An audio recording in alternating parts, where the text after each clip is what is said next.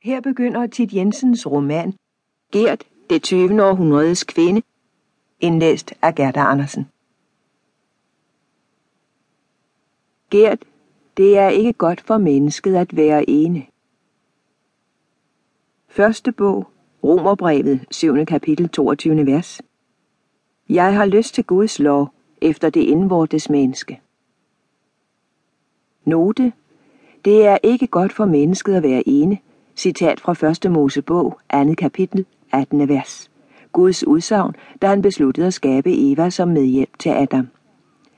Jeg har lyst til Guds lov efter det indvortes menneske. I Afrodite fra Fur er det følgende vers medtaget. Men jeg ser en anden lov, som er i mine lemmer, og som strider mod mit sinds lov, og tager mig fangen under syndens lov, som er i mine lemmer. Her er modsætningen mellem arbejde og kærlighed, intellekt og seksualitet angivet. Noten slut. Den første gåde. Der går en lille pige i en vaskerkjole rundt i gården. Hun er titiansk rødblond med store lysebrune øjne, der stråler gyldne over et smalt, fregnet, æbleroselyst ansigt. Et ansigt så skært som mælk i hårets glødende ramme. Fra nakken strider en stor sløjfe af lakrøde silkebånd, simple, stivebånd, som landhandleren billigst kan få dem. Farven står vandkundigt til hårets klassiske koverglød, men det er der ingen, der kan se på fur. Hun er smidig, den lille, så dyre og unge blød i alle lemmer, så balletøse graciøs, som børn af naturen kan være. Med sit chippetov slæbende efter sig, forråder hele hendes lille fremtoning, at hun slet ikke ved, hvad hun skal bestille, hvad hun vil eller ikke vil. Der er søndag i hele den lille levende person. Søndags ledegang, og den plager hende ubevidst. Hun ved ikke, hvad det er, men hendes små, friske lemmer, der ingen hvile har behov, strider imod. En tid fører hun omhyggeligt enkelte afstukne rækker i stenpikningen, som om hun går op på en dæmning, og hvis hun træder det mindste ud til siderne, falder hun i vandet. Så opgiver hun den illusion. Gården bliver igen gård. Hun jangler ud med benene, går lidt rundt og stiller sig så op og ser ind gennem præstegårdens vinduer. Der er åbenbart heller ingenting, hverken for hjerne eller lemmer, og for alligevel at gøre noget, står hun og slynger skibetåret om sig som et draperi. En tid holder hun sig til en og samme sten, hopper op og passer på at hoppe ned på samme sten igen.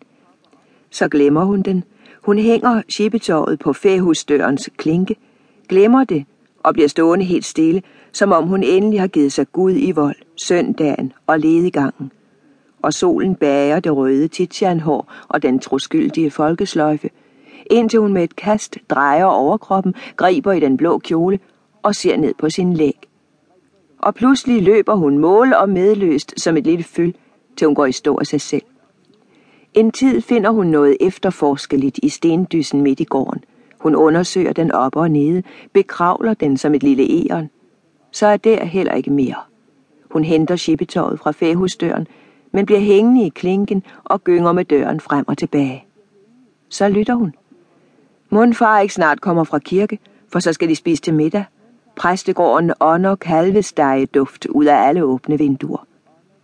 Så løber hun. Gennem havens hvide, vilde kørvelsne og når ud på landevejen. Foran hende lyser kirkegårdens gamle kalveknæede dobbeltportal i hvidt kalk. Hun smutter igennem som en lille blå fugl, løber langs en sti i den megen rustbrune syre og ganske lydløst, indtil hendes sko knirker på den gnistrende hvide sneglestrøse, der ligger bredt ud foran kirkens hovedindgang. Lige foran døren holder en stor flad granitsten til. På den stanser hendes flagren uvilkårligt.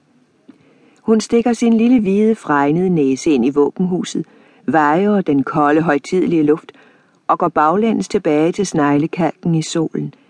Derinde ligger noget som et stort, usynligt trold, der ånder sort ud af næsehullerne, og det gør koldt.